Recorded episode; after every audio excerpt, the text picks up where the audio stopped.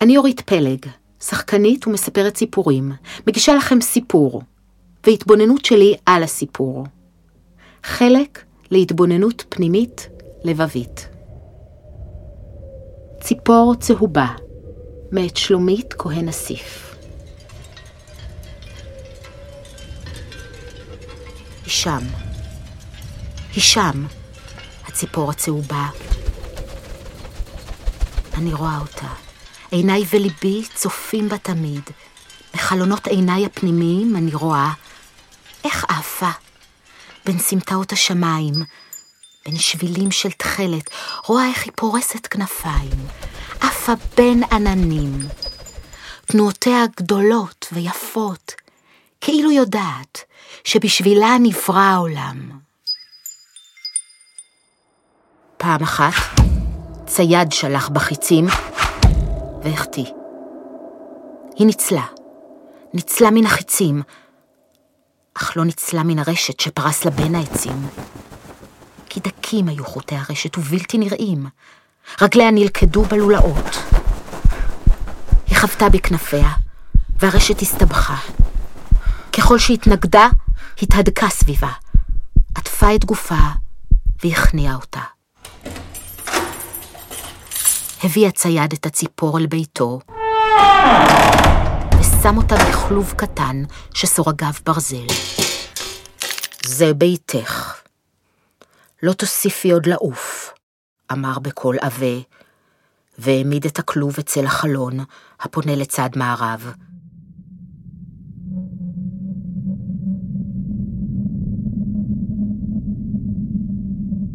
מבעד לסורגים, הייתה הציפור משיתה את מבטה בתכלת השמיים, וחונקת את ההנחה בגרונה, שלא ישמע אותה בעל הכלוב, וישמח. ובצר לה, הייתה שרה, רק בלב, ורק לעתים רחוקות. לבה לשמע הצייד את ניגוניה, עד שכמעט ונשתכח ממנה הניגון שבלב. עוד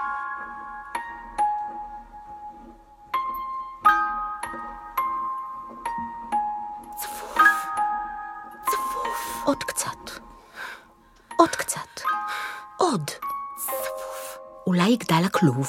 צפוף. צפוף. ליבי ישן, וגופי ער.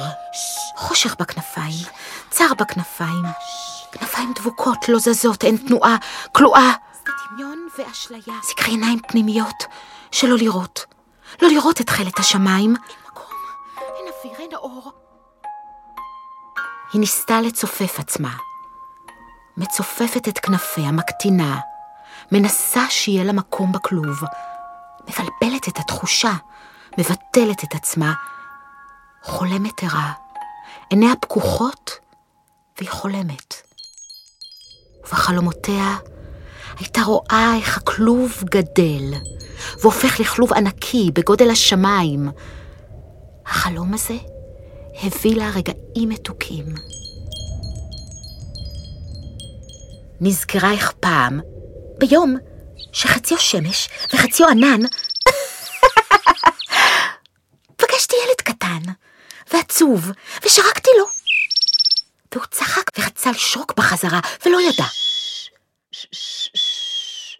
אז הנמכתי את עצמי, והתקרבתי אליו, ולימדתי אותו לשרוק, והוא השיב לי בשריקה. כך דיברנו בשריקות.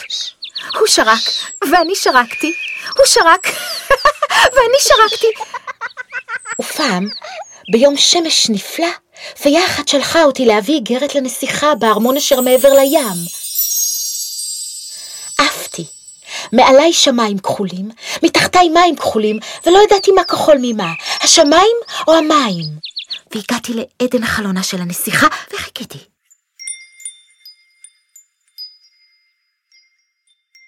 אחר כך ראיתי דמעות של אושר זולגות מעיניה. האמנם? רק נסיכות ראויות לחסדן של פיות? רק נסיכים ונסיכות, וציפורים לא? שאלה הציפור הצהובה, ולא העתיקה את עיניה מתכלת השמיים. תכלת של צעיף משי שקוף.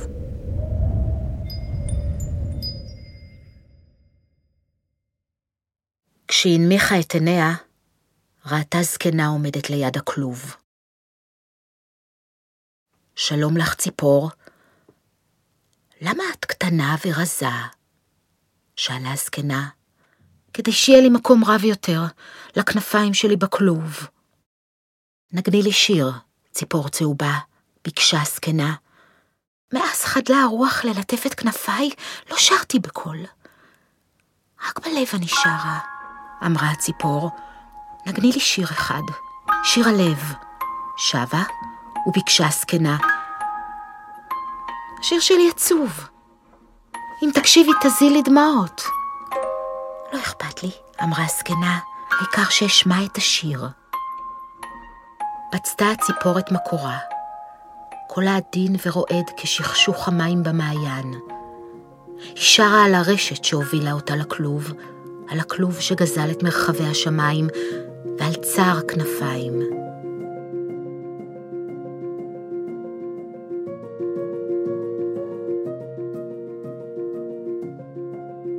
הזילה האישה דמעות ואמרה, אני שומעת את פעימות הלב שלך. שיר שוב את השיר הזה. והציפור שרה.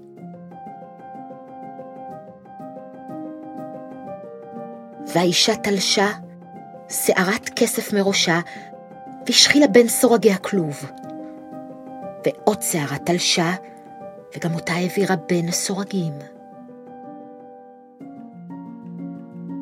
שבע שערות תלשה, וכל אותה עת לחשה לציפור, המשיכי, המשיכי לשיר, שירי, שירי.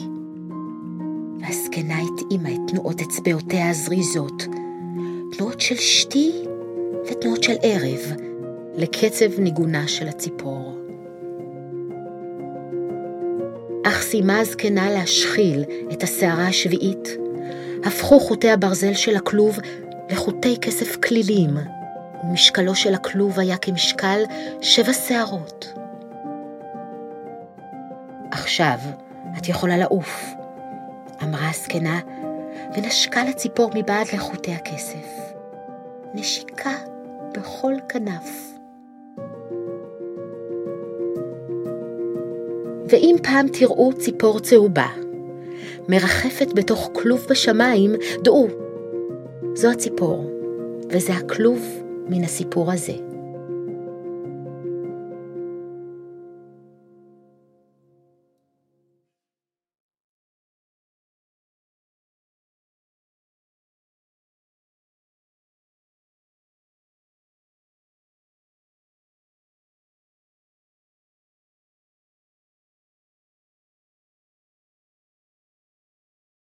התבוננות ועוד מעט ואין רשע.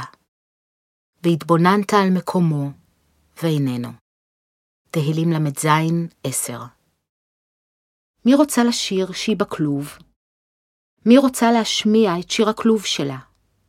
בכלוב קולי נעלם, מעדיפה לא להיות נשמעת.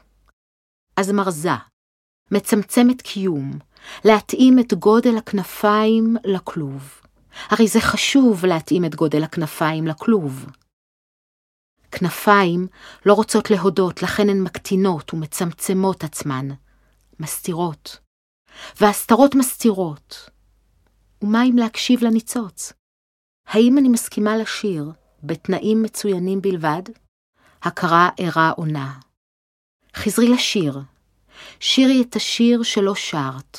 שירי את שיר הניצוץ. שירי שוב ושוב ושוב, כי הרי נשמה באפנו, והטוב במלואו כבר קיים.